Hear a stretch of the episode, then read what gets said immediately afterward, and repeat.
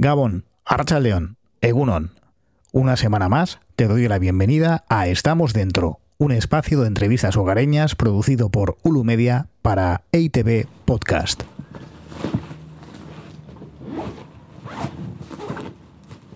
Tan solo han transcurrido dos semanas, pero hemos regresado al extrarradio de Pamplona, muy cerquita de Arrochapea, el barrio al que fuimos para charlar con Kiliki Fresco, de Chill Mafia.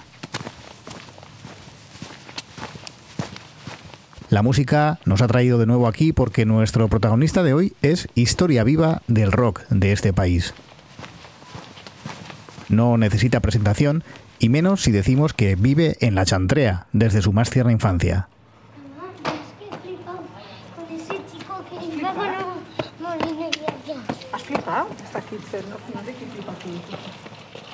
Con sus características casas bajas de dos y tres alturas, el barrio permanece tranquilo a la espera de que los chiquis salgan de la escuela.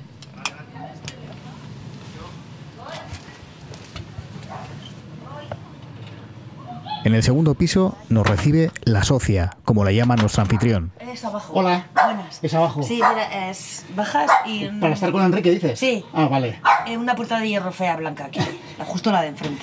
Vale. Vale, Vale, ahí está, ahí gracias. Gracias. Laura.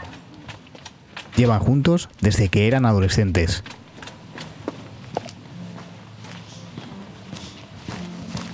Mira, esa, esa. Ah, vale, vale. Se, se escucha la música además. Y tras la puerta blanca se aprecia una melodía de guitarra acústica que delata que su propietario está ensayando, algo que sigue haciendo pese a llevar 40 años en activo. Ahí va. Hombre, Enrique.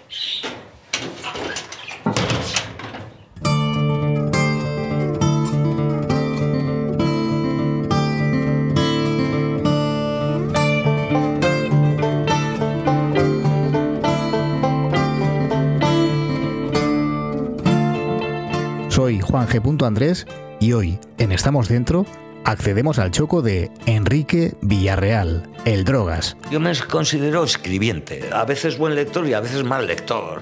Me considero buen escritor y mal escritor, o sea, pero como me gusta lo voy a seguir haciendo. Lo que me siento es un intruso y no quiero dejar de ser un intruso, porque cuando deje de ser un intruso, quiero decir, mi encefalograma ya no tendrá picos para arriba y para abajo, será encefalograma plano. Yo no me enteraré, pero joder, qué putada, porque para eso tienes toda la puñetera eternidad, ¿no? Entonces, joder, yo quiero ser un intruso, o sea, meterme aquí y allá, sobre todo para observar y aprender.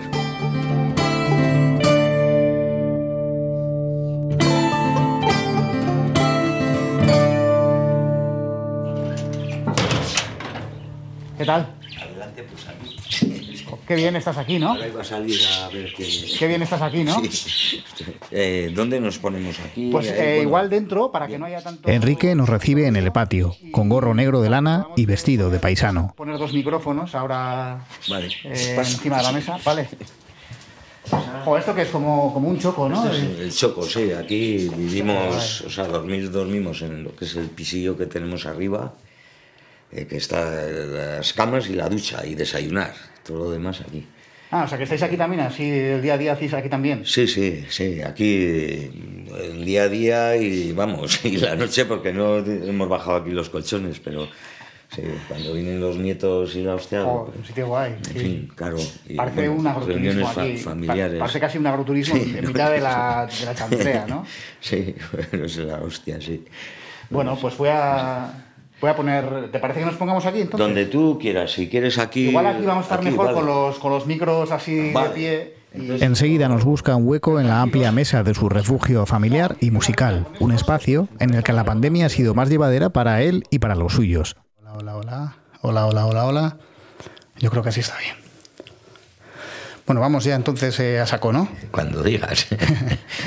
Gracias, Enrique, por recibirnos en, en tu casa. La verdad es que, si te soy sincero, la tuya es una de las primeras entrevistas que empezamos a mover para este podcast que hacemos en, en, en ITV. Eh, hace ya un año, eh, mi idea encima era abrir el, que el primer programa, que el primer entrevistado fueras tú, pero la pandemia todavía no había aflojado. Eh, creo que Yo hace un año estaba en la cama ¿Ah, sí? ¿Con COVID? Con, el tema, sí. O sea, justo hace un año, sí. Bueno, el caso es que bueno, tu, tu gente me, me, comentó que, eh, que no andabas muy con, con, muchas ganas de que fuera, viniera nadie a casa, bueno, un poco como es lógico, ¿no? Y, y, lo dejamos para más adelante y bueno, y al final eh, nos, ha, nos ha cuadrado y, y, como en este espacio el único requisito que tenemos es eh, que la charla tenga lugar en la casa del personaje entrevistado, pues eh, bueno, nos hace muy feliz tenerte frente a nosotros y bueno, pues estar dispuestos a, a charlar un, un ratillo. Muy bien, a ver si sigues pensando lo mismo cuando acabemos la, la seguro, chapa. Que, seguro que sí, Joder. seguro que sí. Me dices que, que, estuviste hace un año en la cama, ¿lo sí. pasaste mal? Bueno, eh, picos de fiebre muy altos, estaba eh, muy vigilado por el médico, mi médico de cabecera de aquí del, del barrio, como con toda la gente que, que hemos pasado por, por la historia, ¿no? Venía y tal, se ponía en plan espacial, ¿no? Con la escafandra. Sí, una cosa impresionante. Yo ahí en, la, en el cuarto, dejándome hacer. No, no puedo decir que lo haya pasado mal, aunque sí que yo que te, tengo los pulmones desde que salí de la mili, que salí con tuberculosis, pues en fin, no han sido y el asma y tal, eh, no es mi punto fuerte. ¿no? Sí, digamos que eras como de grupo de riesgo, ¿no? O... Sí, por la neumonía, o sea, neumonía eh, bilateral, tal, en fin, estas cosas que... ¿Llegas que... a tener miedo? No, no porque no, no ha sido una historia, o sea, cuando me daban picos altos de fiebre, pues bueno, eh, no estaba bien, ¿no? Pero en lo demás muy bien cuidado y, y, y, muy querido por, por el alrededor, aunque eh, no podían estar en, en, contacto conmigo, pero bueno, no sé, notaba su cariño a través de la puerta del cuarto. bueno, y luego el confinamiento, claro, en un espacio como, como este, que estamos en, no sé cómo llamar a este lugar, choco. es como una especie de adosado, de un choco, eh, adosado choco, a tu vivienda, sí. ¿no? Sí, es, estas casas se construyen, Franco cede los terrenos, yo Franco, no, Franco cedió los terrenos donde se construyó la, la bueno, Franco eh, tenía todos los terrenos de España, ¿no? Entonces, cedió esto para la gente que venía, eh, emigraban de sus pueblos, o sea, de Navarra venían a la capital o de, otras provincias hacia las capitales, ¿no? Para, en aquellos lugares donde comenzaba la industrialización, ¿no? Entonces, las casas estas de, de, un, de un piso y de dos, son hechas por, en Auzolán, ¿no? Entonces, luego se, se, sorteaban y tal, y le tocaba a la gente. Entonces, bueno, como la gente viene, venía de, de, los pueblos y tal, y estaban acostumbrados pues, a tener sus gallinas, su, su huerta y tal, pues era el, te tocaba pues el piso y, un terrenico para poner pues, los tomatos, gallinas y tal, que luego todo termina cementado para el puñetero coche. Eh, y bueno, pues en mi caso, hacer el, el, choco donde nos juntamos en todas las reuniones familiares con la excusa de, de, cualquier cosa, con tal de que vengan los nietos y estar alrededor de ellos todo el resto de la familia. ¿Tienes dos o, o dos, dos, nietos? Dos nietos, sí. ¿Qué edad tienen?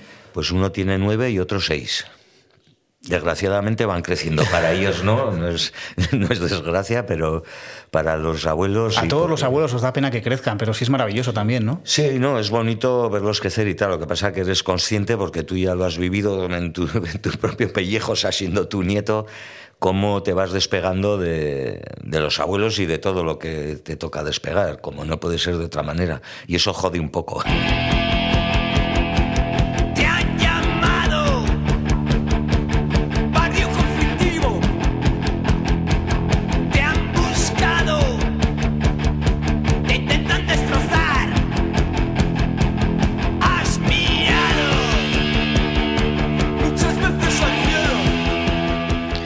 ¿Este barrio es el barrio en el que tú creciste, naciste o no? Bueno, yo vine aquí con dos años. Dos años. Sí, yo nací al lado de la cárcel, fuera de la cárcel, entre la cárcel y el matadero, de, bueno, la antigua cárcel. Y, y a los dos años vinimos a, al barrio, en el 50 y, o sea, en el 61.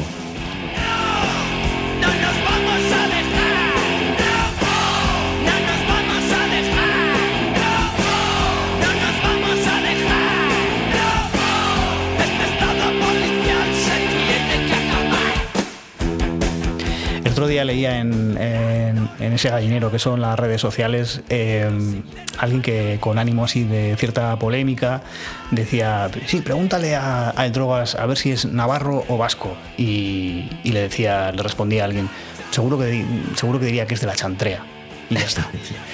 No me importa tanto, pero realmente en este aspecto, sabiendo cómo es la historia, eh, para mí decir vasco o navarro es lo mismo. Entonces no, tengo ningún problema. Aquí eh, la derechona, ¿no? digamos los que... Bueno, también igual en la izquierda quizá a veces eh, haya hecho falta aflojarse la boina, ¿no? la boina se afloja hacia la izquierda, ¿no? Hmm. Y aquí la, la derecha siempre se la aprieta demasiado, ¿no? Eh, para sacar adelante la, la icastola pública de, aquí, del barrio, eh, comienzan a dar clases en los porches de, la Diputación, ¿no? que es el gobierno de Navarra. Lo que ha costado el, que muchas parejas, como es mi caso y, el de mi socia, sin saber euskera, eh, meter tanto al hijo y a la hija a la Icastola y hacer toda, o sea, toda la primaria y secundaria en, euskera, ¿no? Mm. Entonces, eh, aquí ha sido a base de, hacer historias en contra de todo, por eso hablaba de lo que es la derechona, ¿no? Como siempre se ha utilizado la historia del idioma, así como otros dicen, por parte de lo que era la izquierda berchale y tal, yo más eh, me, me, voy a, a, explicar cómo la derecha utilizó todo lo que pudo en contra de, un idioma que había que cuidar como... Bueno, hablas en pasado, pero sigue ocurriendo. Sigue, sigue, sigue igual, sí, pero bueno, yo ahora ya, eh, en fin, ya sí, digo en, eh, en pasado porque yo para mí ahora cuando escucho tanto a mi hijo como a mi hija, a mi nuera, eh, hablar con mis nietos en euskera, porque mis nietos pues van a la Castola de la Rochapea, que tres cuartos de lo mismo. O sea, realmente eh, ha sido en, base a, hacer, a ir a contracorriente sin, no sé, como, como pudo ser la insumisión o la ocupación. Se da una patada, se se mete en el, se entra en el, en el, lugar, se limpia, se pone aquello decente para, para poder dormir, vivir y hacer actividades culturales. Pues con el euskera aquí ha sido lo mismo, o sea, a pesar de, de todo, eh, pues para adelante, ¿no?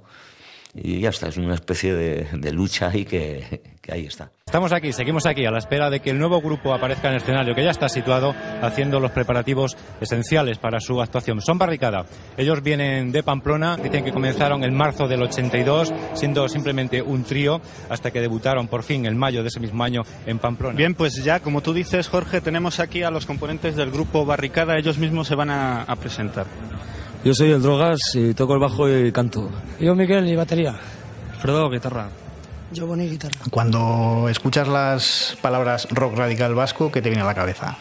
Bueno, me viene un momento feliz, eh, o sea, pero no porque mm, me defina eso como, o sea, como una etiqueta concreta, pero lo mismo te puedo decir de rock and roll. ¿Qué te ve de tal rock and roll? Pues no, para mí no es ninguna religión, es una forma de, de una forma estética de expresión, pero que la estética tiene mucho también de, fondo, ¿no? Entonces eh, me gusta, siempre yo defiendo las lentejuelas, pero, pero también eh, que esas lentejuelas eh, estén brillando porque, porque tienen más allá, no sé, son carga de profundidad, ¿no?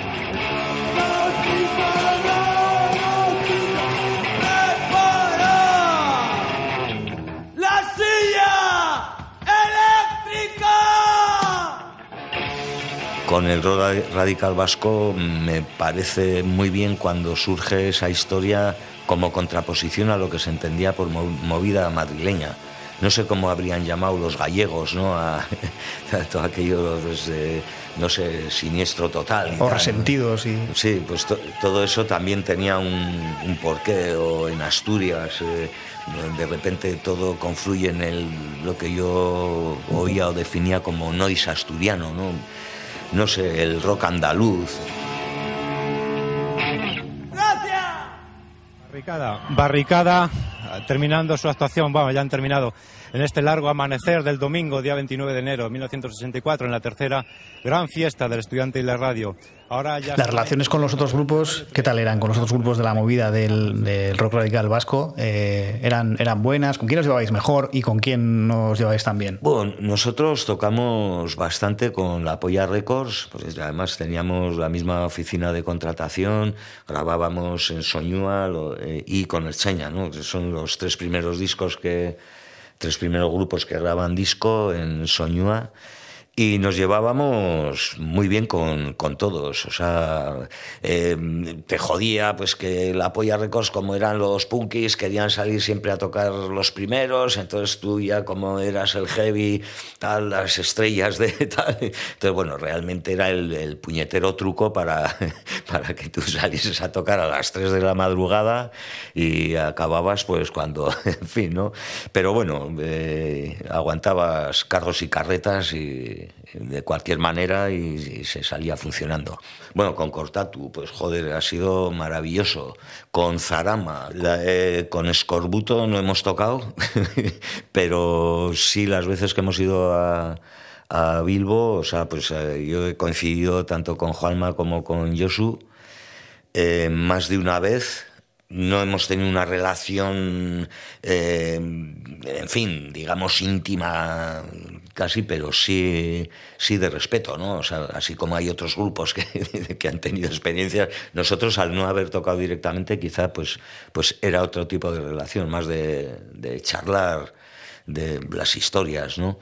No sé, y luego, pues no sé, gente de cicatriz, joder, pues para mí Nacho Cicatriz era un auténtico, no sé, yo lo tenía, no sé decir id- idolatrado, pero sí me parecía una persona con una fuerza impresionante, ¿no? Eh, mental, ¿no?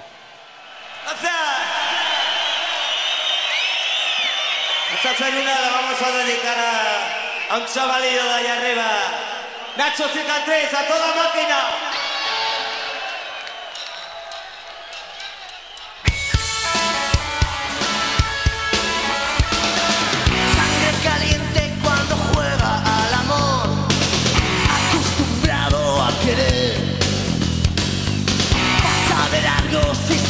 La ocasión, nadie sueña como él.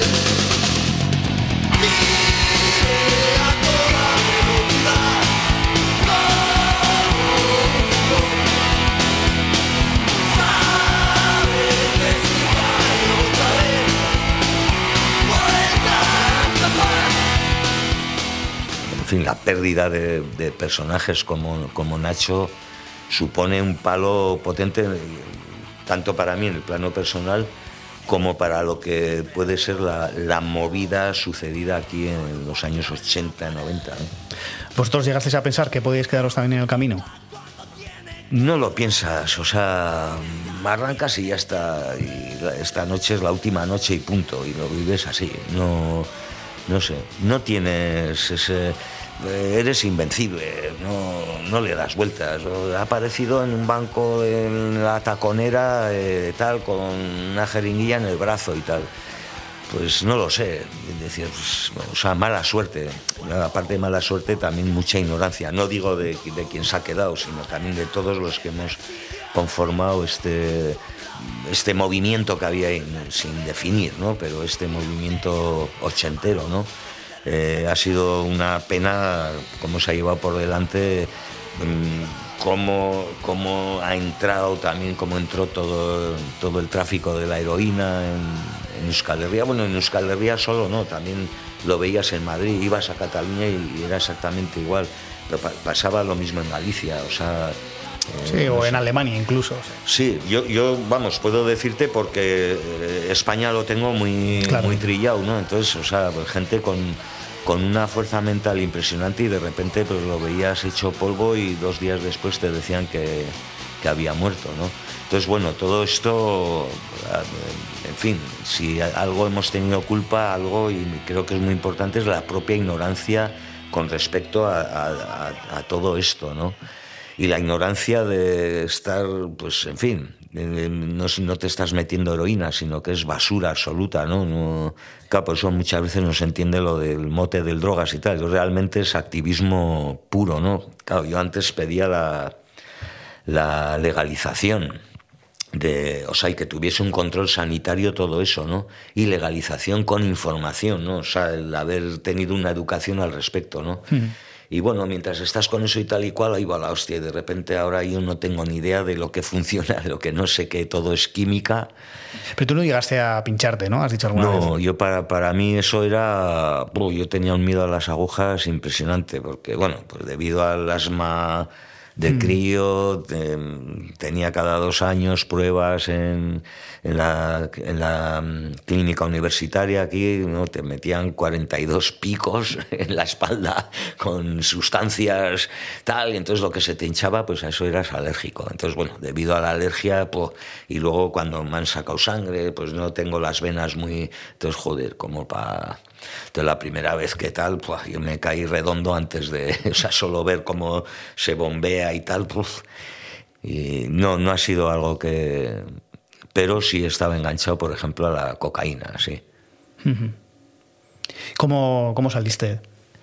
¿Cómo salí? Pues porque, bueno, yo he vivido muchas experiencias eh, junto a mi socia, ¿no? Eh, lleva, ella tenía 15 años cuando comenzó a salir conmigo, yo 18, ¿no?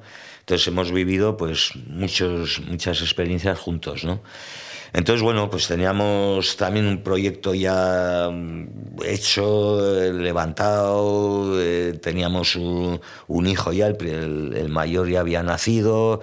Eh, entonces, digamos que ves que, que, todo eso, no sé, pues se te puede ir al garete. O sea, tienes que elegir entre continuar, digamos, una especie de autodestrucción que puede ser elegida, o sea, o elegir el, continuar con esos, esos proyectos vitales que simplemente amanecer eh, los dos junto a la criatura y ver eh, cómo empieza otro día es bonito, ¿no? y bueno, la decisión fue romper con todo eso eh, siendo conscientes también de qué oficio había elegido, ¿no? Entonces, o sea, porque claro, eh, yo también ya empezaba a estar acostumbrado a llegar a los sitios y ser el más borracho, el más tal, o sea, era todo el que más, ¿no? Bueno, bueno, esto viene bien para la biografía, pero era mentira, ¿no? Entonces, bueno, pues... Eh, el oficio para mí me, encantaba, también a la, socia, ¿no? Como la forma de vida que, tiene todo esto, pero eh, comienzas pues a dejar lo que ya son cosas secundarias para funcionar en el oficio. Y bueno. Y Enrique, ¿qué echas eh, de menos de esa época? Eh, por ejemplo, el subidón que, te que, os provocaban esas sustancias, eh, ¿se llega a echar en falta? O... No, no, porque digamos que eso es al principio, claro, tampoco es resumir mucho una temporada muy larga, ¿no? ¿De cuántos años estamos hablando? Pues estamos hablando, pues yo qué sé, por ponerte un. Esto, pues del 86 al. Pues no sé, al, al 2000, 2002, por, por decirte, o 2004, no sé, por hacer una especie de banda ahí que. Eh, al principio, pues todo es subidón, o sea, eh, joder, eh, y qué bien y tal. la segunda vez, Hostia, subidón, pero ¿qué era? ¿Mejor la, semana pasada o la de hace 15 días? No sabes, ¿no? La tercera, fíjate, tal. La cuarta, la quinta, la sexta, la séptima y para la décima. Eh, ya no, no sé, no es el, esa forma social de divertirte, sino que empieza a ser, no sé, o sea, yo hablar con, los que te metías de, la calidad de, la de un día, de la de otro, joder, yo me veía ridículo, ¿no? O sea, habían otras cosas de las que hablar, ¿no? Es más, yo eh, me parecían conversaciones más interesantes con gente a la cual se marginaba desde el, desde el propio círculo, digamos, cocainómano, ¿no? que era hacia los yonkis eh, de, heroína y tal, ¿no? Y yo hablaba con ellos y, joder, eh, eso es una... Bueno, hablaba con ellos. Cuando he hablado con algún, con algún eh, yonki, siempre su visión de la vida me ha enseñado bastante más porque es una, una sustancia introspectiva. Eso que, y la otra es, ah, somos todos, parece que te has metido mimosín, todos somos más amigos que una mierda. Entonces, bueno, lo otro es más introspectivo y tal, y no sé, eh, le das vueltas a la cabeza en ciertos momentos. ¿Cuándo? Pues cuando ya has empleado el tiempo suficiente en tener que buscarte la vida para, para conseguir la sustancia y mantenerte medio en pie, ¿no? No sé. Esto me recuerda a una frase que decía Lemmy de, de Motorhead. Decía, el verano del 73 eh, fue fantástico. No me acuerdo de nada, pero jamás lo olvidaré, ¿no? Tú, claro, hay muchas cosas que tendrás borradas seguramente, ¿no? No, no tanto, no tanto. O sea, mm, no tanto porque yo... Eh, todo, todas las personas no, no tenemos el mismo grado de dependencia y lo que sí me considero siempre, incluso hasta en esta época, como un buen observador, ¿no? Hmm. Entonces, bueno, también el ser un buen observador me ha enseñado también a no querer hacer o intentar eh, no caer en las estupideces que veo en otra gente o que no sea de ese nivel de estupidez tan alto y bueno, y quedarme un poco más en, en una estupidez más mediana o en fin. Con Barricada, el Drogas publicó una docena de discos de estudio entre los que destacan clásicos como Noche de Rock and Roll, Rojo, Pasión por el Ruido, Por Instinto o Balas Blancas. Cuando se le pregunta qué supone ser un icono del rock, esto es lo que responde. A mí no, no, me supone nada porque tengo, o sea, no, procuro no tener tiempo para pensar en eso, ¿no? O sea, eh, me encanta el, ser consciente de que tengo seguidores y seguidoras que les interesa el trabajo que, que hago, ¿no?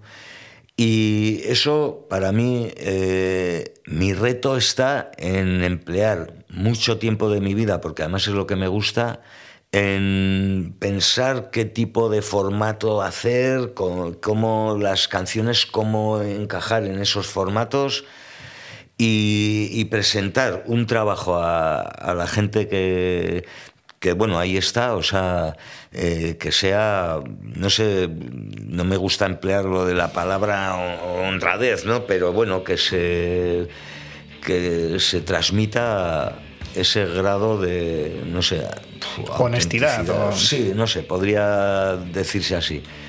No sé, podría decirse así. Siendo consciente de que a mí, o sea, para llegar a las historias igual me hace falta cinco veces más de tiempo que, que a otras personas que son más intuitivas, ¿no?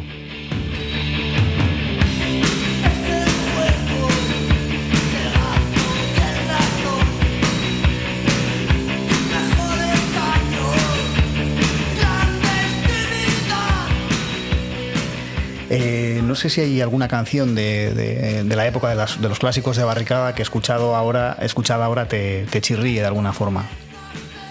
No. Sobre todo en cuanto a la letra. Sí, pero no, me. O sea, eh, lo que está hecho está hecho en un momento concreto y a partir de ahí, no sé, no tengo o sea, no, no me tengo esta, esta cosa de intentar confesarme en fin, lo que se tiene en este país. O sea, joder, que si el Brown Sugar ahora, joder, me quitan los Rolling, ahí va la hostia, tú, joder. Pero claro, yo no entiendo inglés, ¿no? Pero joder, el Brown Sugar, tú, joder. Sí, que le han retirado el repertorio, ¿no? Sí, los Stones. Joder, hostia, yo me cago en la leche. No sé, o sea eh, ¿Por qué no, no, digo de manera pública, de manera pública cuando el que te está diciendo que tiene que ser de manera pública no te ha oído ni sabe lo que tú piensas al respecto, pues de que, de, que se apoyen los estribillos de no hay tregua, eta, eta, eta y tal. Pues ya he dicho en, en más de una ocasión que quien tal no creo que haya digerido bien eh, la, canción, ¿no? O sea, esa vestimenta que le, que, le quise poner ¿no? en, aquella época. Por eso decir, joder, si en aquella época, o sea, la de No hay tregua parece escrita por una monja, ¿no? O sea, por, por las letras que entonces había, ¿no?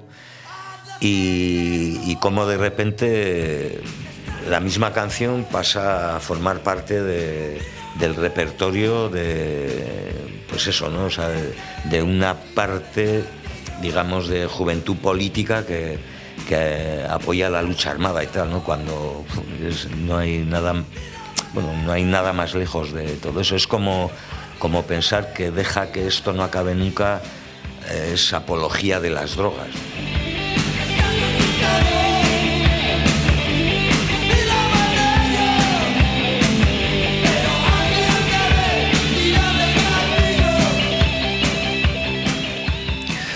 Respecto a No hay tregua, eh, yo sí de confesar que cuando la escuchábamos eh, de adolescentes, eh, yo me sentía incómodo. Cuando, claro, no es culpa vuestra, porque vosotros poníais la letra y luego los que gritaban ETA, ETA, ETA, pues eran el público y tal. Y yo es algo que me encanta la canción, la cantaba de pe a pa, pero cuando la gente gritaba eso, a mí me, yo me sentía incómodo. ¿Vosotros en el escenario? Nosotros la tocábamos cantábamos el estribillo y después venía, venían los gritos que, que, también de alguna manera, o sea, más que incómodo es el, el entender que no se está entendiendo lo que, lo que estás cantando. Mm. No hay más, o sea, no, tampoco va más allá. Yo creo que, que quizá es más, eh, no sé, eh, más clara la de Bahía de Pasaya, pero por cómo está compuesta, con artículos del periódico. Es una crónica, ¿no? Sí, sí, sí. Entonces, por eso, o sea, que después utilizo eso o, o, cosa parecida en La Tierra está sorda, ¿no? Pero bueno, que es una manera de componer, o sea, de escribir las letras muy concreta. La de No hay tregua digamos que tiene una serie de elementos sucedidos en, en esos en esos momentos cuando se escribe que viene la, o sea, se arranca de la, de la división en ETA político-militar, ¿no? Eh, los Beresiak y tal, y cómo se forma ETA militar, cómo hay gente que, que, va dejando la lucha armada, otros que la retoman, esa, esa, cosa de la persona que le da vueltas, de cómo, o sea, esto nos lleva a alguna parte, sí, no. Y después el... Sí, claro, por un lado dice, pero alguien debe tirar del gatillo y, y luego nunca tendrán las armas la razón. Sí, es, son, son, las dudas que, que, me han acompañado a mí siempre, o sea, no sé, no, no creo que, que sea, o sea, muy...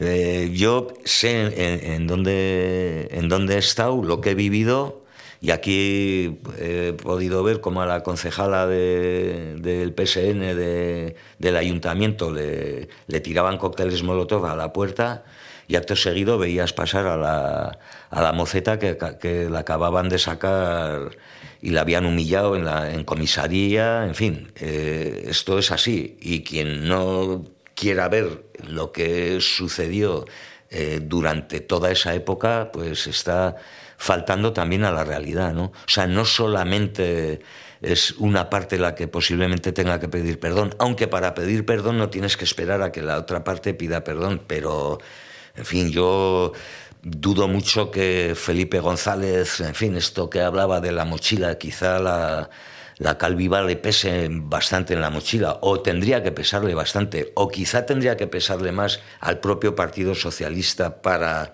darse cuenta de que hay mucho más que, que hablar, ¿no? Quizá podríamos hablar de Galindo, ah, no, que ya habló Negu Gorría y, y se tuvieron que en fin, ir para otro lado porque la multa era de 15 millones. Esto bueno, al final ganaron, ¿no? Al final ganaron. Bueno, ganaron, sí, como ganó Egin. Hmm. Egin también ganó. Sí, sí. Eh, y ningún medio ha hablado de y Eguncaria, ¿no? Ningún medio habla de la libertad de expresión, ¿no? O sea, no sé.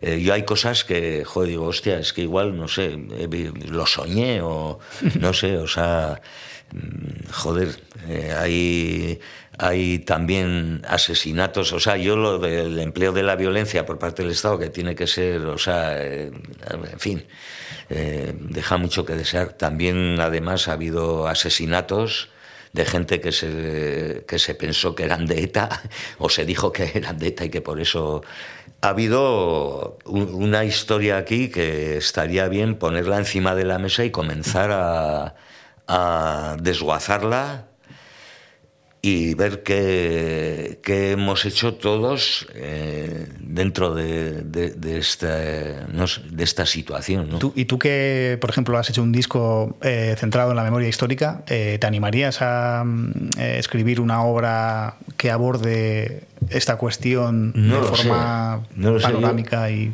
Acabo de leer un libro que se titula No digas nada, Patrick no sé qué, Mac no sé qué que habla sobre la historia del, IRA, o sea, de Irlanda, ¿no? que creo que, o sea, te das cuenta de lo, o sea, de cómo puedes transportar lo sucedido aquí, cómo te sientes engañado, digamos, por todas las partes, ¿no? Porque al final había, claro, yo desde el punto de vista de alguien que no es independentista, ¿no? O sea, eh, que desde el instituto, pues, o sea, las discusiones entre ácratas y independentistas, pues bueno, no había para tantos independentistas entonces, eran los troscos o los maoístas, no sé, o sea, luego pues aparece todo lo que es la izquierda Berchale que vas viendo también cómo va absorbiendo movimientos como la insumisión, la ocupación, o sea, todo acaba, acaba siendo, digamos, cualquier movimiento social absorbido por la izquierda versale, ¿no? Entonces, digamos que ese espíritu asambleario que, hay en ciertos movimientos terminan fagocitados por, hmm. una o sea, por un movimiento político de ideología política que eh, vacía de contenido para mí hmm. este tipo de movimientos. Entonces, a mí, eh, si yo estoy por la insumisión, ¿qué coño me hace una pintada de Arla Milieneta?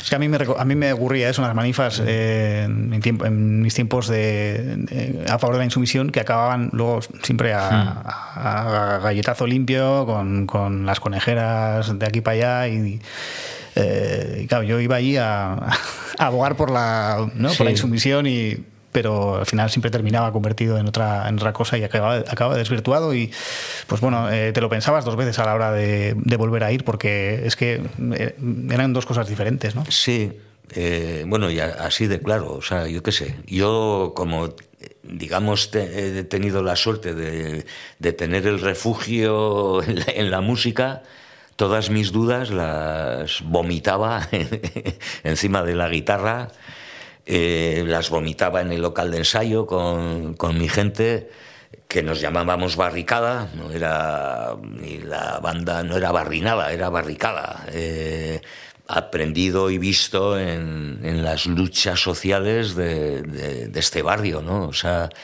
eh, bueno, de este barrio y de otros, pero yo vividas aquí, ¿no? O sea, no sé, yo todo eso no ni quiero olvidarlo, forma parte de mí y es que además no quiero ser perfecto, o sea, sé dónde, dónde he estado, cómo me he movido, por dónde me he movido y qué, y qué he hecho.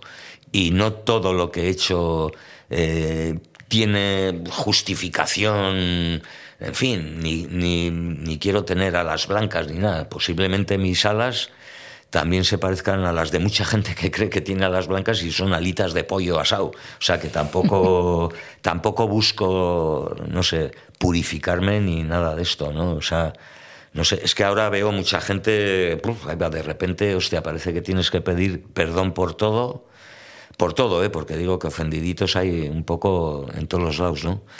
Eh, cuando, no sé, la lectura lo que hace es, eh, lo que te hace es cambiar de muchos de los conceptos que pensabas que ibas a tener para siempre, ¿no? Entonces yo por eso eh, sí que aconsejo leer mucho, para sacar conclusiones de, lo, de, de, dónde está tu grado de estupidez, ¿no? O sea, para rebajarla. Y no parecerte pues, a gente como que milita en Vox o que puede militar en, en, la izquierda más con la cual tú puedes simpatizar más, ¿no? Que también puede pasar, suele pasar, de hecho. Tú has apoyado públicamente a Podemos. Bueno, públicamente. bueno, en las eh, entrevistas. A, mí me lo comentaste hace un par de Hombre, Yo, yo todo, o sea, para mí no, no, todos los políticos son iguales. De hecho, el Partido Socialista es algo que, o sea, que no, que no, no puedo con ello. Entonces, claro, a partir de ahí, o sea, eh, lo que puede ser, en, lo que entiendo yo por la izquierda, digamos que, bueno, Podemos tiene ese. Bueno, tiene eh, parte de lo que era el 15M, ¿no? Eh, me parecía que era una especie, no sé, lo de la tercera vía, lo que para mí supuso el carry en, en Euskal Herria, ¿no? donde gracias a lo que voy observando en, militantes o gente muy metida en la organización del carry y tal, eh, que veo pues, cómo pueden entender a gente metida en gesto por la paz, en fin, que digamos que, hostia, yo pienso así, piensas diferente, vamos, vamos a ver qué, qué, es lo que está sucediendo y si se puede solucionar, ¿no?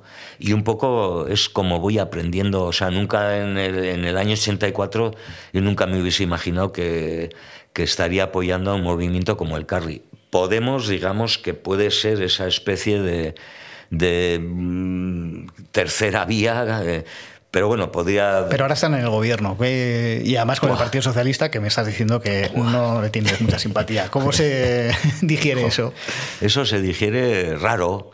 O sea, porque yo lo que ya esperaba para estas alturas es que mujeres militantes en diferentes movimientos eh, políticos y sociales se hubiesen unido, eh, no sé, con con cuatro objetivos concretos Digo cuatro por no decir cien, y entonces, joder, ya estamos con lo que es la izquierda siempre, ¿no? Que si unos ponen la coma aquí, eh, se van a llamar el, pueblo o la Organización por la Liberación de la Coma. sí, lo de la vida de Brian. pues eso, pues es que es así, joder. Entonces, no lo sé, yo, yo pienso que es, eh, o sea, ya momento, o sea, porque ya empieza a ser tarde, es como lo del cambio climático, pues esto empieza a ser tarde para, o sea, un movimiento, digamos, femenino, feminista, femenino en cuanto a que también nosotros necesitamos dejar fluir nuestro, nuestro lado femenino, que lo vengo diciendo tiempo, ¿no? O sea, dejar de tener que ser el número uno en todo y oler a testosterona desde que te levantas hasta que te acuestas, ¿no? Entonces, o sea, de una puñetera vez, en fin, eh, vamos a aprender de las mujeres que tenemos cada cual alrededor que seguro que tenemos mucho que aprender y que eso se, se transmita a, la, a, la, dirección política de, de, este país o de este barrio, de este ayuntamiento, de, de este gobierno regional y de este país, no sé. Cuéntame qué te parece que el rock haya perdido eh, pujanza con respecto a, pues eso, el rap, el, trap, este tipo de ritmos, el reggaetón, que algunos lo, lo demonizan. Sí, no sé por qué, además, no sé, o sea, a mí me parece cojonudo que, que haya otros estilos de música, eso hace también que, bueno, de alguna manera el rock eh, haya quedado quizá donde tenga que quedar en este gran abanico de, de, posibilidades musicales que hay ahora, ¿no? Y por otro lado, igual también las bandas de rock se lo tengan que hacer mirar. Es posible, ¿no? Igual hay que dejar de ser tan peliculeros y, en fin, no sé, y, pisotear más un poco el, polvillo de la, de la, calle, ¿no? No sé, eh, eh, yo veo mucha gente, bueno, hay, hay, de todo, ¿no? O sea, por ejemplo, no te voy a comparar a Desacato, por ejemplo, con otro tipo de, de grupos que te dicen, no, yo, para mí la música y no me hables de política. Joder, que si no te hablo de política, ¿qué me vas a contar? Que, que te, estás, te están saliendo en, en, las puntas del cabello dos, dos, dos puntas en tal, o que el champú que utilizas no es bueno para que te quede hueco y tal. No sé, o sea, eh, creo que, que mucha culpa de eso tiene la propia visión de los grupos, ¿no? Que están mirando mucho más al, pasado que, al eh, Bueno, si mirarían más al pasado, igual se aprendería quizá más, no de todos los grupos, o sea, pues, no sé. Y luego, tampoco puedes estar defendiendo una industria como tal, que, bueno, sobre todo es muy americana también inglesa, ¿no? Pero bueno, los a mí el rollo british siempre me ha gustado más, me ha llamado más la atención. Pero este rollo de la industria americana, ¿no? El sonido NASA, que digo yo, ¿no? Que todo tiene que... Que sí, joder, que te pegas siete, horas para poner los bombos con el bajo, todo tal, y que sí, que suene tal, hostia, o sea, es la hostia, pero vaya, vaya mierda, joder, no sé. Y claro, resulta que llega el reggaetón y es la el único tipo de música que le está plantando cara a la propia industria esa. O sea, hostia, yo no ni lo voy a defender ni lo voy a atacar como hace otra gente. Tampoco voy a defender ni atacar a, a bandas, yo qué sé, Aerosmith, pues bueno, yo qué sé, joder. Pero a mí me gusta más, pues no sé, Chico Tornado y Niña Coyote, joder ya está. O sea, me gusta mucho más lo, lo que hace Coldo con, con, su guitarra, los riffs que, que, mete, que eso. Prefiero ver un grupo como Bala, que son dos mocetas gallegas, que, pues no sé, que, que, cualquier grupo de estos con una que filter. Que bueno, digo filter porque encima ese rollo oscuro me puede gustar, pero en cuanto veo la bandera de Estados Unidos de por medio, en fin, me hace temblar. No sé. En 2011, tres décadas después de fundar Barricada y escribir prácticamente todo su repertorio, Enrique abandonó el grupo por desavenencias con sus compañeros, a quienes acusó de haberle expulsado. Desde entonces publica sus trabajos en solitario como El Drogas y descarta una reunión de la banda, y menos ahora que ya no está el Boni, con quien vivió un acercamiento antes de fallecer en enero a consecuencia de un cáncer de laringe.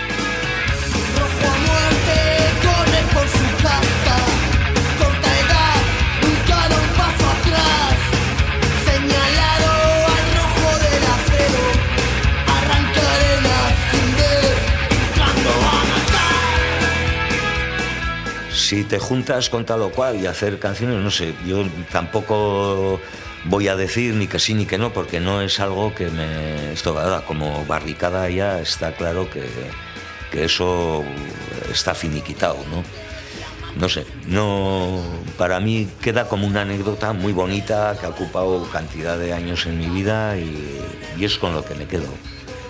No sé, a pesar de Pero bueno, esa patada en el culo, yo ahora, hoy por hoy, en el presente, ha sido una de las cosas más bonitas que me ha pasado, porque estoy con, con tres personas más desde el 2008 que comenzamos a preparar el, disco de, el segundo disco de Charrena y en el 2011 comenzamos la, esto, que llevo con, con, las tres mismas personas y me he sentido arropado en los momentos más difíciles de, de mi vida dentro del oficio.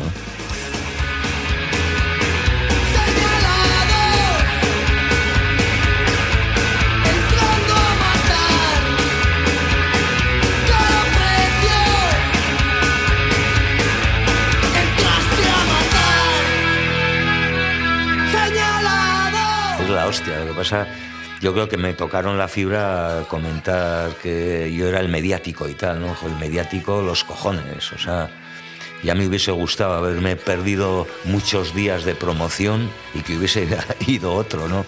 Pero siempre era el drogas al que le, al que le pedían ir, ¿no? No sé, igual por las chorradas que digo, ¿no? O sea, ya me hubiese gustado. Y yo terminaba un disco de barricada y empezaba ya el siguiente. Yo no he tenido ese oxígeno que, que otra gente tenía hasta que llegaba el momento de grabar. O sea, hostia, todo, todo esto, bueno, pues son cosas que ahí están. Igual tenías que haberlo dejado antes. Sí, yo creo que en, eh, que en, el momento fue el terminar la gira del Bésame, que yo dije que lo dejaba y tal, ya en, fin, el Bésame fue un disco hecho... Eso fue 2000 y... 2005, 2000, sí, por ahí, 2004, 2005. Eh, es un disco hecho entre Alfredo y yo. Y, bueno, pues eso, o sea, el seguir defendiendo una historia como, como banda de algo que no yo ya estaba cansado. Por seguir hablando de cosas igual un poco más alegres y de colaboraciones. para mí todo es alegre, ¿eh? porque también la, el, propio, la propia historia con Bonnie, a pesar de toda la dureza que tiene, y me gusta decirlo así, ha sido bonita, bonito el reencuentro, la, la relación a vida los dos últimos años. Eh, no sé, una historia muy personal, muy personal también con, con su socia, con Isabel porque mm, también de alguna manera esto te puede ir preparando también para tu propio paso a, en fin, a, formar parte de la vegetación, ¿no? Eh, sí, sin más, ¿no? Entonces, bueno, de alguna manera también no, no sabemos, o sea, tenemos muy mala relación con la muerte, ¿no? Entonces, yo creo que o aprendes con las experiencias cercanas o lo tienes jodido y, en fin, no sé, no me gustaría irme de una manera extraña o... Y con cuentas pendientes, ¿no? Que supongo que es un poco lo que habéis querido, lo que quisisteis hacer. Sí, entonces me parece muy interesante, o sea, por eso te digo que es, que es bonito, o sea, no sé. ¿Cómo tal? Pues hombre, te podría explicar mil situaciones, bueno, mil o, diez situaciones concretas, ¿no? Pero son tan personales, o sea, eso es lo bonito de, de todo esto, ¿no? O sea, como una persona que, en fin, está atravesando un camino durísimo y tal, es capaz de, decirte, yo nunca le había oído hablar tanto, cuando estás sin cuerdas vocales, tú, hostia, o sea, me parecía eso ya una, situación, le decía, hostia, Bonnie, nunca... Y ese último momento que, la última vez que lo veo es ya cuando ingresa en las últimas pruebas y tal, entonces ya lo dejan ingresado en el, en el hospital y antes de pasarlo a lo que es eh, San Juan de Dios, ¿no? que ya, ya no se podía, solo podía ir la familia y tal, el último día recuerdo, claro, ya con la mascarilla y tal, la hostia, yo con la mascarilla, gafas, porque si no, no veo tres en un burro, y la hostia, él, pues eso, claro, entubado y tal, en la cama, y la hostia y tal verle no la, sonrisa, porque la verdad que siempre nos recibía tanto a la socia como a mí con, una sonrisa y tal. Y eh, entró y él, joder, yo con las gafas empañadas y la hostia. Tenía que, él tenía que gesticular para hacerse entender. Sí, sí, él y tal, ¿no? Gesticulando. Yo, eso, no veía ni hostia y le digo, joder, hay un, ciego intentando entenderle a un mudo lo que. O sea, la hostia, ¿no? Entonces, joder, pues nos reímos, cada cual como pudo, ¿no? Joder, o sea, ese es el, último momento que, que, estuve con. La última vez que, que lo vi, ¿no? Y la gente dice, Joy, no se, no se te hace duro. Digo, o sea, lo, digo, pongo una cosa en público, lo mismo que he hablado de la enfermedad de mi madre, por, no tanto por el rollo personal como por la cantidad de gente que, que pasa por las mismas situaciones y lo bien que te viene a hablar de todo esto, ¿no? A mí me, me decían, Joy, ¿no se te hacía duro verle, claro, ya todo se ha afeitado, eh, en fin, todo está... Joder, pues la verdad que no, o sea, no no me, no, no me impresionaba. O sea, yo iba allá y tal, y era, pues, era el Boni, o sea, el Boni, pues que, desgraciadamente le, ha tocado esto y ahí está, o sea, y él tampoco nunca miraba yo como que tal y cual. Yo la verdad que sobre todo lo que hemos tenido han sido risas, ¿no? Risas y lágrimas. Predominan las primeras, pero al pedirle que interprete una canción de su disco más reciente, escoge una, Nacer contigo de nuevo, que surge de una triste historia. Una de las canciones que es Nacer contigo de nuevo, sí. que eh, está hecha Selva, la que hace voces conmigo. Esta tiene una colega y tal que, tiene un hijo que le diagnostican con ocho años una enfermedad terminal, ¿no? Entonces, o sea, eh, la madre escribe tres folios, ¿no? Los sentimientos, qué historia le ha dado, tal, describiendo a su hijo, la vitalidad que tal, y de repente todo esto, pues lo que supone y tal, ¿no?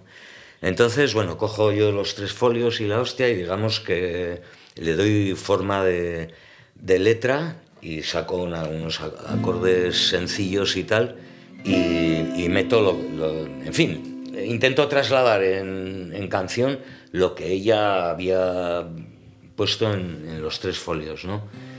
Bueno, pues el caso que seguimos, bueno, ella cada vez que ha oído la canción, en fin, es la hostia, ¿no? Eh, pero he hablado muy, de manera muy normalizada también con, con ella ¿eh? de, de, todo esto, lo cual me parece también muy, muy potente. Bueno, el caso que eh, antes de ayer, eh, Selva, ya, ya con su madre la última vez que estuve me dijo, ya está en cuidados paliativos y tal, y antes de ayer Selva nos trajo la noticia que había muerto el, el día anterior y tal, ¿no? Entonces, el chavalillo. Y son, son historias, o sea, pues, el rollo de la muerte que es la hostia. A mí, con esto sí que no hay. O sea, para mí es incomprensible, ¿no? O sea, a mí me dicen mañana de un nieto mío y tal, y pff, no sé, no, no. He intentado a veces ponerme en la cabeza. Me puedo poner en, en otro tipo de, de casos, ¿no? Y situaciones, ¿no? Ponerte, pero un ratico, ¿no? Pero en esto es que no encuentro la puta fórmula, ¿no? Entonces, eh, no sé, ha sido un proceso mmm, vivido de una, de, una familia que no conozco, o sea, no puedo decir que tenga amistad o que la he hecho por amistad tal y cual, que a mí me llamó la, la atención eh, esos tres folios, lo que escribía, el desorden de, de, tal, o sea, joder, sí, o sea, pa, seguro que dejó, no sé, si los escribió encima de una mesa eh, miras la mesa y, y, y seguro que, que, quedan ahí las marcas, ¿no? En fin, un desarrollo de la historia muy, muy potente en ese caso, ¿no? Y no sé, eh, pues la voy, la voy a tocar hoy simplemente por recordar todo este proceso, ¿no? Que empezó también en época de pandemia, ¿no? O sea, porque, porque la, la canción la, la hago eh, el año pasado, an, antes de verano, que es cuando a mí me llega la historia, ¿no? Entonces, bueno, pues dice así.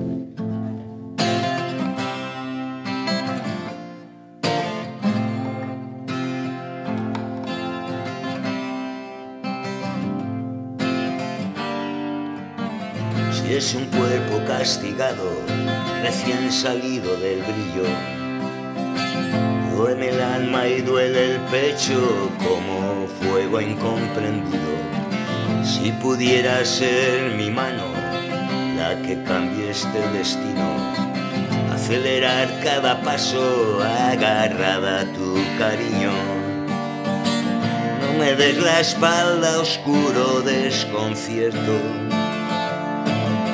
Clava en mí tu espada y que sea él mi fuego. Ese que queme de vida en tu mundo mi recuerdo nacer contigo de nuevo. Quiero salir de este pozo de tono y horizonte negro. Mi sangre que sea tu sangre la que dé luz en tu miedo. Mis venas se llenan de fuerza cada vez que te veo. Es mi alma en ti viviendo, corazón que late nuevo no me des la espalda oscuro desconcierto. Clava en mí tu espada y que sea él mi fuego. Ese que queme de vida en mi mundo, nacer contigo de nuevo. No me des la espalda oscuro desconcierto clava en mí tu espada y que sea él mi fuego. Ese que queme de vida en tu mundo mi recuerdo. Nacer contigo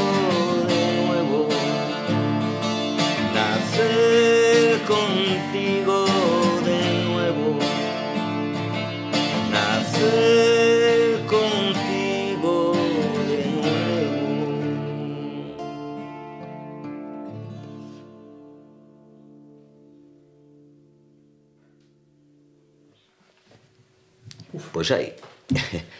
Pues esas son historias de las canciones que... O sea, no es, no es mía, digamos. Claro, son historias, hostia, que suponen una especie de bálsamo para las madres, ¿no? Y en este caso, en la canción esta, eh, te reafirma más en, en, en, no sé, Sí, es esa especie de pomada para ciertas historias ¿no? que tiene la música, ¿no? O sea, porque yo prefiero no preguntarme por qué llega tan directamente ¿no? a la cabeza de la gente, ¿no? Pero es que a veces me han explicado letras que he escrito yo que tienen un fondo mucho más chulo que, el que le he querido dar yo, ¿no? Que, no sé, hostia, pues, tal, mi hermana y que le diagnosticaron cáncer y tal, y estuvimos oyendo tal canción de barricada y la hostia hasta última hora. O sea, ya para, para estas personas, joder, tiene un significado que, que tú nunca vas a poder entender, ¿no? Hostia, porque va más allá de lo que tú hayas querido decir. Pues esto, digamos que es un poco eso, o sea, vamos, no me importa ni desafinar, ni porque ya no, o sea, simplemente eres, no sé, la especie de soplido que lleva que lleva esta historia, ¿no? Con juglar con la vara y el esto, ¿no? Y punto. No tienes que buscar ser nada más. Un intruso en la historia, ¿no? Yo creo que es, es interesante analizar todo esto porque también eh, uno mismo se quita importancia eh, a, que antes te decía, ¿no? Pues parece que has vendido la hostia es porque eres la rehostia, ¿no?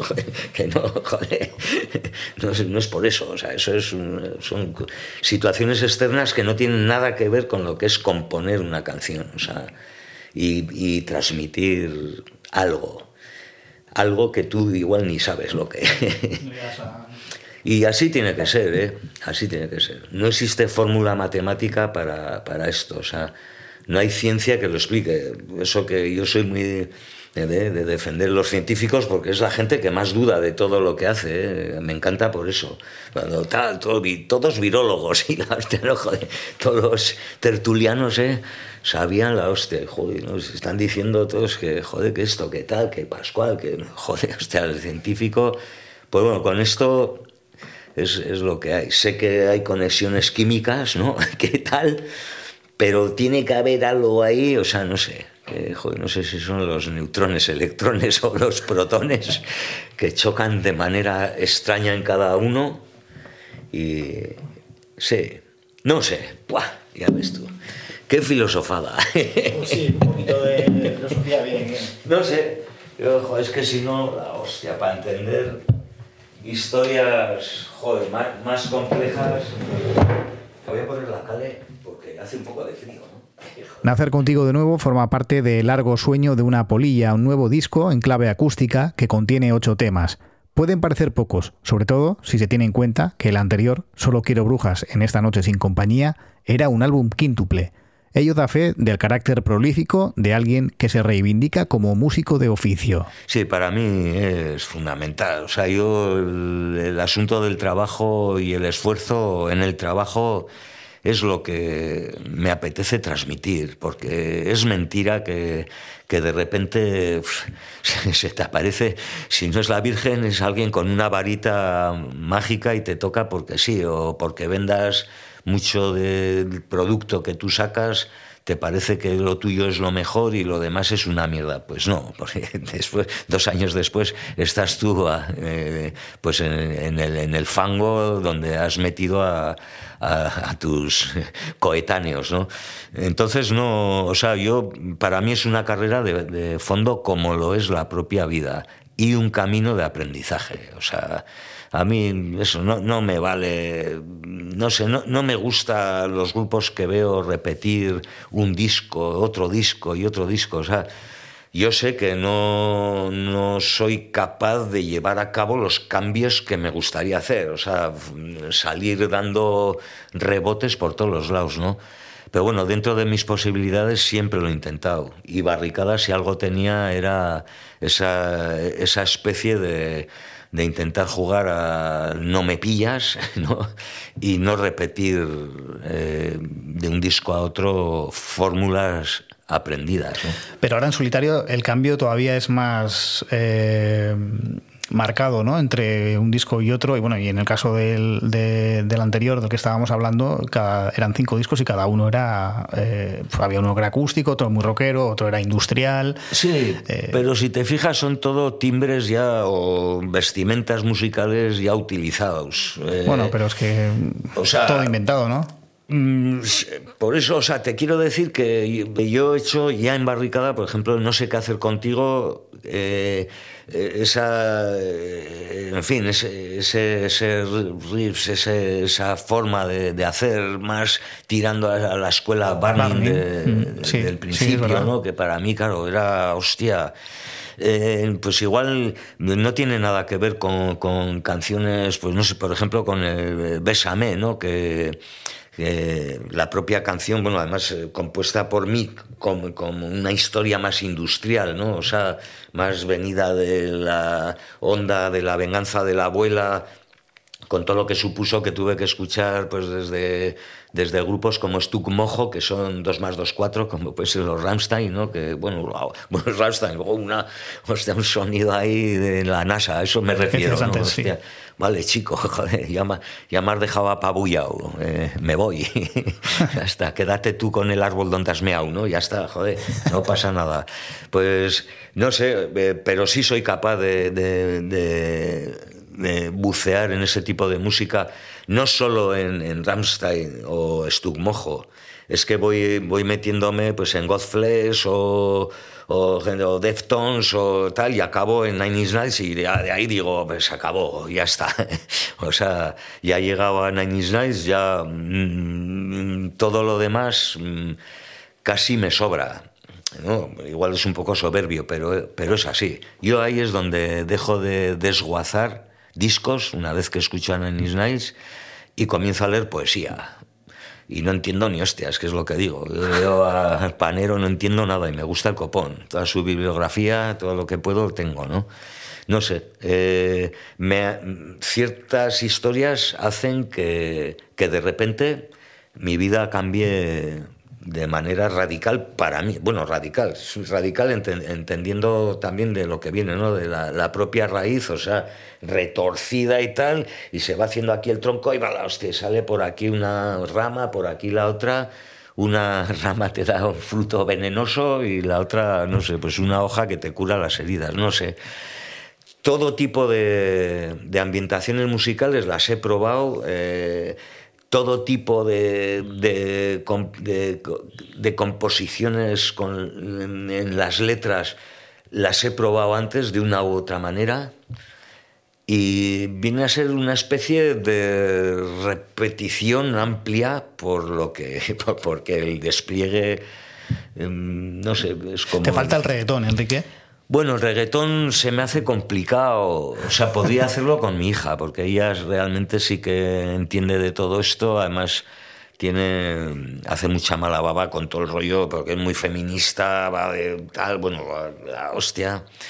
Y, todo esto lo, traspasa más allá, o sea, su, su, propio entendimiento del movimiento feminista dice, o sea, mm, me gusta escuchar a las mujeres peruanas a las venidas de África, a tal, porque no es lo mismo el feminismo Me Too de Hollywood o tal que eh, lo que pueden pensar personas que siendo mujeres eh, viven una situación también de racismo, ¿no? Hostia. Entonces, bueno, yo aprendo mucho, me dejo embaucar por ella, me encanta eh, escucharla y dentro de esto entra el, reggaetón y le gusta a ella, es muy bailona, en fin, con su madre se junta para desayunar, llevo una baja de bailar y, la madre se levanta y tal y, desayunan juntas. Te quiero decir que realmente tengo una buena maestra en, ese aspecto, ¿no?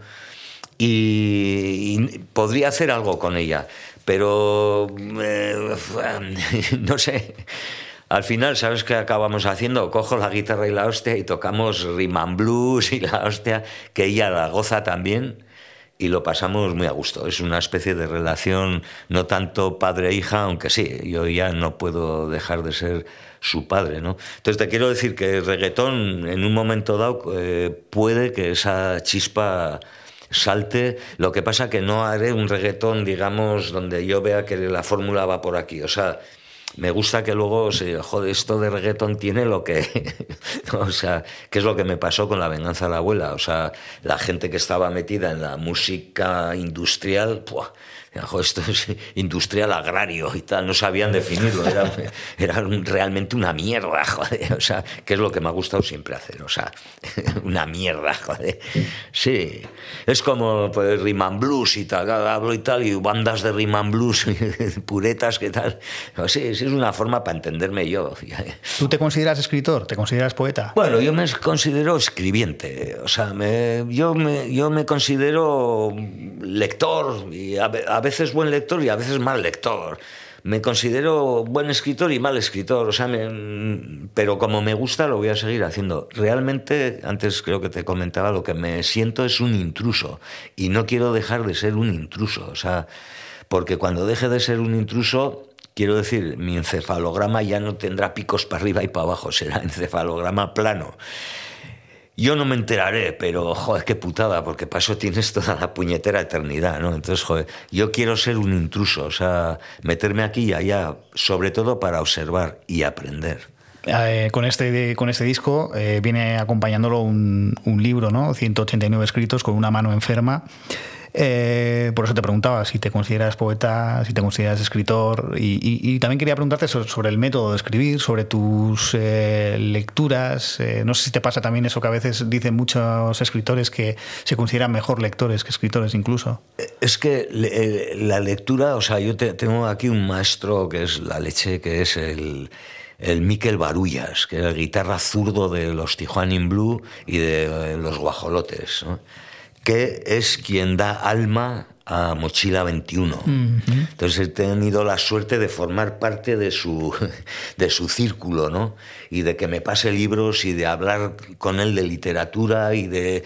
Y, fíjate, se ha pasado experiencias con, con, en fin, ¿no? Con sus grupos, con sus cosas tal, y le digo, pero Miquel, ¿cómo no escribes? Y me dice, ¿para qué voy a escribir si, si el placer de leer no lo supera nada y tal, ¿no? Digo, joder, por eso no me extraña que, o sea, eh, el placer de leer es... Yo lo que pasa que todavía no, no, he llegado a destacarlo más que el de escribir, ¿no? O sea, para mí escribir es algo no sé, no, no, lo, no, lo, puedo ni definir. O sea, yo coger, me da igual que sea una pluma, un bolígrafo big eh, un, folio en blanco que, es muy duro, ¿eh? el, folio en blanco es la hostia, enfrentarte a eso, pero una vez que empiezas y tal, o sea, y al cabo de, la hostia de horas o lo que sea, cómo vas viendo que aquello, hostia, que tienes todo, todo pintado, no sabes ni hostia, aquí pone un 3, de repente encuentras el 2 aquí, que va a decir que esto va, no sé, un Cristo de la hostia, ¿no? Me encanta ese, ese desorden en, en la escritura, ¿no? Ese desorden en la escritura está bien reflejado en los escritos y no tanto ya en las letras, porque ese 3 que viene aquí, que tienes que buscar el 2 y tal, eh, todavía sigue siendo un escrito, pero en cuanto ya, en cuanto ya coges otra hoja en blanco, pero ya sabes lo que va a poner, y la parte 3 viene debajo de la 2, ya es una, ya es una letra para una canción. Ya le vamos haciendo el traje con unos acordes, ¿no? Pero el escrito es el puñetero escupitajo, punto, ya está, déjalo. Ahí está, o sea, e, eso eh, va a tener la musicalidad que quien lo recite, sea interiormente o exteriormente y tal, le, le dé. O sea, yo escuchaba gente recitar con su voz cosas escritas por mí y no, te, o sea, no, me parece ni que lo haya escrito yo. Digo, hostia, gana, es otro universo, es, qué historia tú. Pues hablando de recitar, te iba a pedir precisamente que mm, me recitaras uno de tus poemas o escritos, como quieras Bien, llamarlo. Pues voy a coger las gafas de ver. Eh, estas son, son también, pero tengo que estar así. Vale, vale, vale. vale, Mira, he elegido entre. Bien. Eh, he elegido este. A ver. léelo con título incluido, ¿vale? Muy bien. Me disfrazo nada. A veces lamento que este viaje sea una obsesión y sin ganas quiera ya que el final llegue de cualquier manera. Mientras espero el autobús, mientras preparo una tortilla de patata con cebolla, mientras dudo si mejor volver al vino, mientras hablamos los dos sobre el oficio mientras paseamos por los parques debajo del paraguas. Se me caen ya los años y la cinta está terminando su recorrido. Pocas melodías, creo, quedan por enseñarles el camino del viento. Pocos dedos apoyados en el mástil de esa guitarra que me ha estado acompañando con mi llavero favorito. Nada es más triste que tener el último café hervido. Es inútil intentar saborear con los labios el placer. Los mismos labios que besamos tu sexo después de la muerte. Me disfrazo de actor y confundo al público un rato más, pero después, cuando llega el final de verdad, no saben si deben aplaudir o mirar hacia otro lado. El momento más grave de mi vida no ha llegado todavía. Toma. Escuchando este poema, bueno, una de las preguntas que, me asaltan es si quedan realmente eh, pocas melodías ya. No, no. Las, melodías eh, las tiene uno mismo, una misma dentro, ¿no? No, o sea, incluso hasta cuando mm, quizá te pongan una rodilla de plástico mal atornillada y, en el otoño oigas ese ruido, te ayuda a sacar tu propia melodía que al sacarla posiblemente te recuerde a otras escuchadas, que tampoco tiene por qué ser malo. Quiero decir, el intrusismo en todo esto lo sigo defendiendo, ¿no? Porque eh, esto de las melodías, lo mismo que las escrituras, todas las frases están hechas, ¿no? Pero tú la puedes cargar de, un contenido que para ti es el primero, es virgen porque es el tuyo y ya está. O sea, no, no, importa, no le des vueltas a si alguien lo ha hecho antes. Te lo preguntaba más en un plano personal, en el sentido de que también dices, eh, la cinta está terminando su recorrido y claro, Hombre, puede ser... está claro, le dimos vuelta a la cinta ya hace tiempo. Estamos, en la cara, estamos en la cara B, ¿no? espero que sea una base de 90, por lo menos, ¿no? Porque, joder, pero bueno, yo voy viendo cada vez gente más cercana como cómo va muriendo, ¿no? y, el día menos pensado te toca. Entonces yo no he repetido tanto como últimamente, mamen, vamos a disfrutar. y nos vamos a disfrutar, o sea que, sin problema. Nos vamos a tocar pues eh, a Zumárraga el viernes, a, Baraca el sábado, un día es acústico, el otro es eléctrico, el domingo iremos a comer algún vegeta en Bilbo, porque Bilbo nos gusta pasear por, por lo viejos, el lugar pateadísimo de noche y de día, antes de noche y ahora de día. Y, Enrique, ¿estás eh, preparado para cuando la cinta llegue al final y salte el stop? me, estoy preparando para ello. O, eso pienso, vete a saber lo que, lo que, la vida, lo que la vida ha decidido o habla o ha cuchicheado con la muerte ¿no? de, uno. ¿no? Como no creo en, el destino ni en, la, ni en la reencarnación sí estaría bien igual ¿no? que te entierren y tal y formar parte de lo que es la propia vegetación de, de allí donde te han puesto, ¿no? Me parece muy bonito, por ejemplo, hablando hoy quizá relacionando con la memoria histórica, ese, e, e, ese eh, desenterramiento en la, fosa eh, al lado de, un almendro, ¿no? Y tal. No, si el almendro no estaba cuando los asesinaron, que dicen fusilaron, ¿no? Pero bueno, cuando los asesinaron es que uno de los que, de los que asesinaron llevaba la, el, hueso en, el bolsillo, ¿no? La semilla. Sí, como ha, como ha pillado, ¿no? Pues no sé, o sea, no sé si es verdad o no. Yo pienso que sí por la cantidad de, de historias que hay en las cunetas de este país, ¿no? Pues bueno, un poco mm, formar parte de, ese, punto que la gente quiera tener de ti y ya está. O sea, que yo sobre todo soy más egoísta que entonces soy, lo que quiero es disfrutar yo de mi propia vida, eso sí. y de la muerte también, espero, pero nunca sabes porque yo digo, joder, si donde, donde más posible te suceda sea en la carretera, fíjate qué manera, ¿no? Que es donde posiblemente a temporadas es donde más horas estamos, ¿no? Y bueno, joder, nos ha pasado rozando y tal, hostia, dices, me cago en diez. No sé, es lo que tiene todo esto. Muy bien. Enrique, pues eh, te agradezco mucho la atención que nos has prestado, la generosidad eh, con el tiempo de, de entrevista y, bueno, que sigamos viéndote en el escenario durante muchos, muchos, muchos años. Bueno, no sé si muchos años, si son pocos años que sean tan intensos como, como todos los anteriores, ¿no? Porque eso sí, o sea, eh, disfruto de mi oficio y cuando digo a gusto es que es, es una expresión que la digo de verdad, o sea. Muy bien. Pues, es que casco, es que casco, Enrique. Eso, regatic.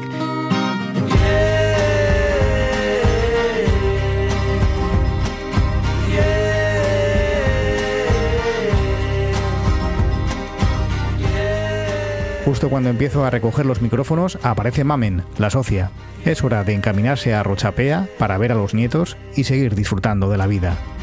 Cada mañana es una nueva sirena llama de urgencia al grito de buscar el sitio en la cola de los pasos perdidos, a buscar esa manera de sobrevolar. Con este otro tema nuevo del drogas, apoyarse en el aire, despedimos, estamos dentro. Si te ha gustado o al menos interesado, suscríbete. Puedes escuchar también las entrevistas de nuestro podcast Siamés Barruan Gaude, conducido por mi socio y amigo Oyer Aranzábal. La semana que viene seguimos escuchándonos. Hasta entonces, cuídate mucho.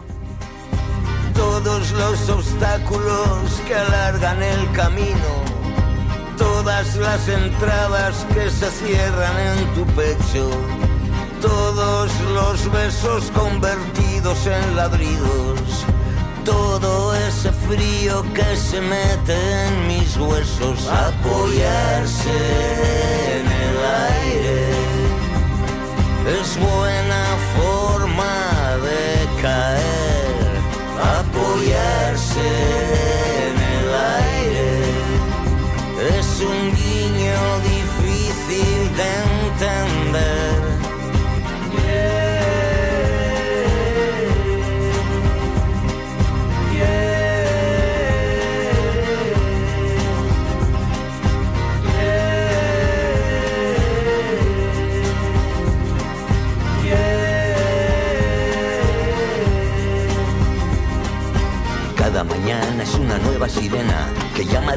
urgencia al grito de buscar el sitio en la cola de los pasos perdidos, a buscar esa manera de sobrevolar.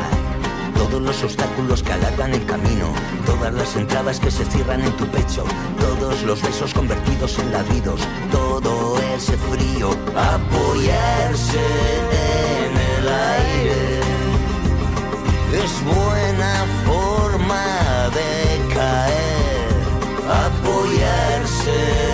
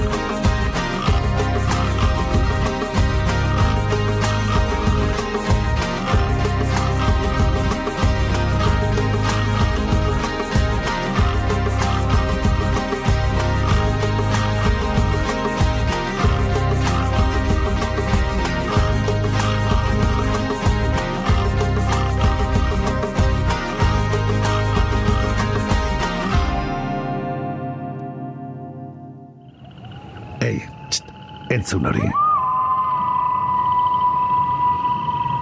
Ulu Media.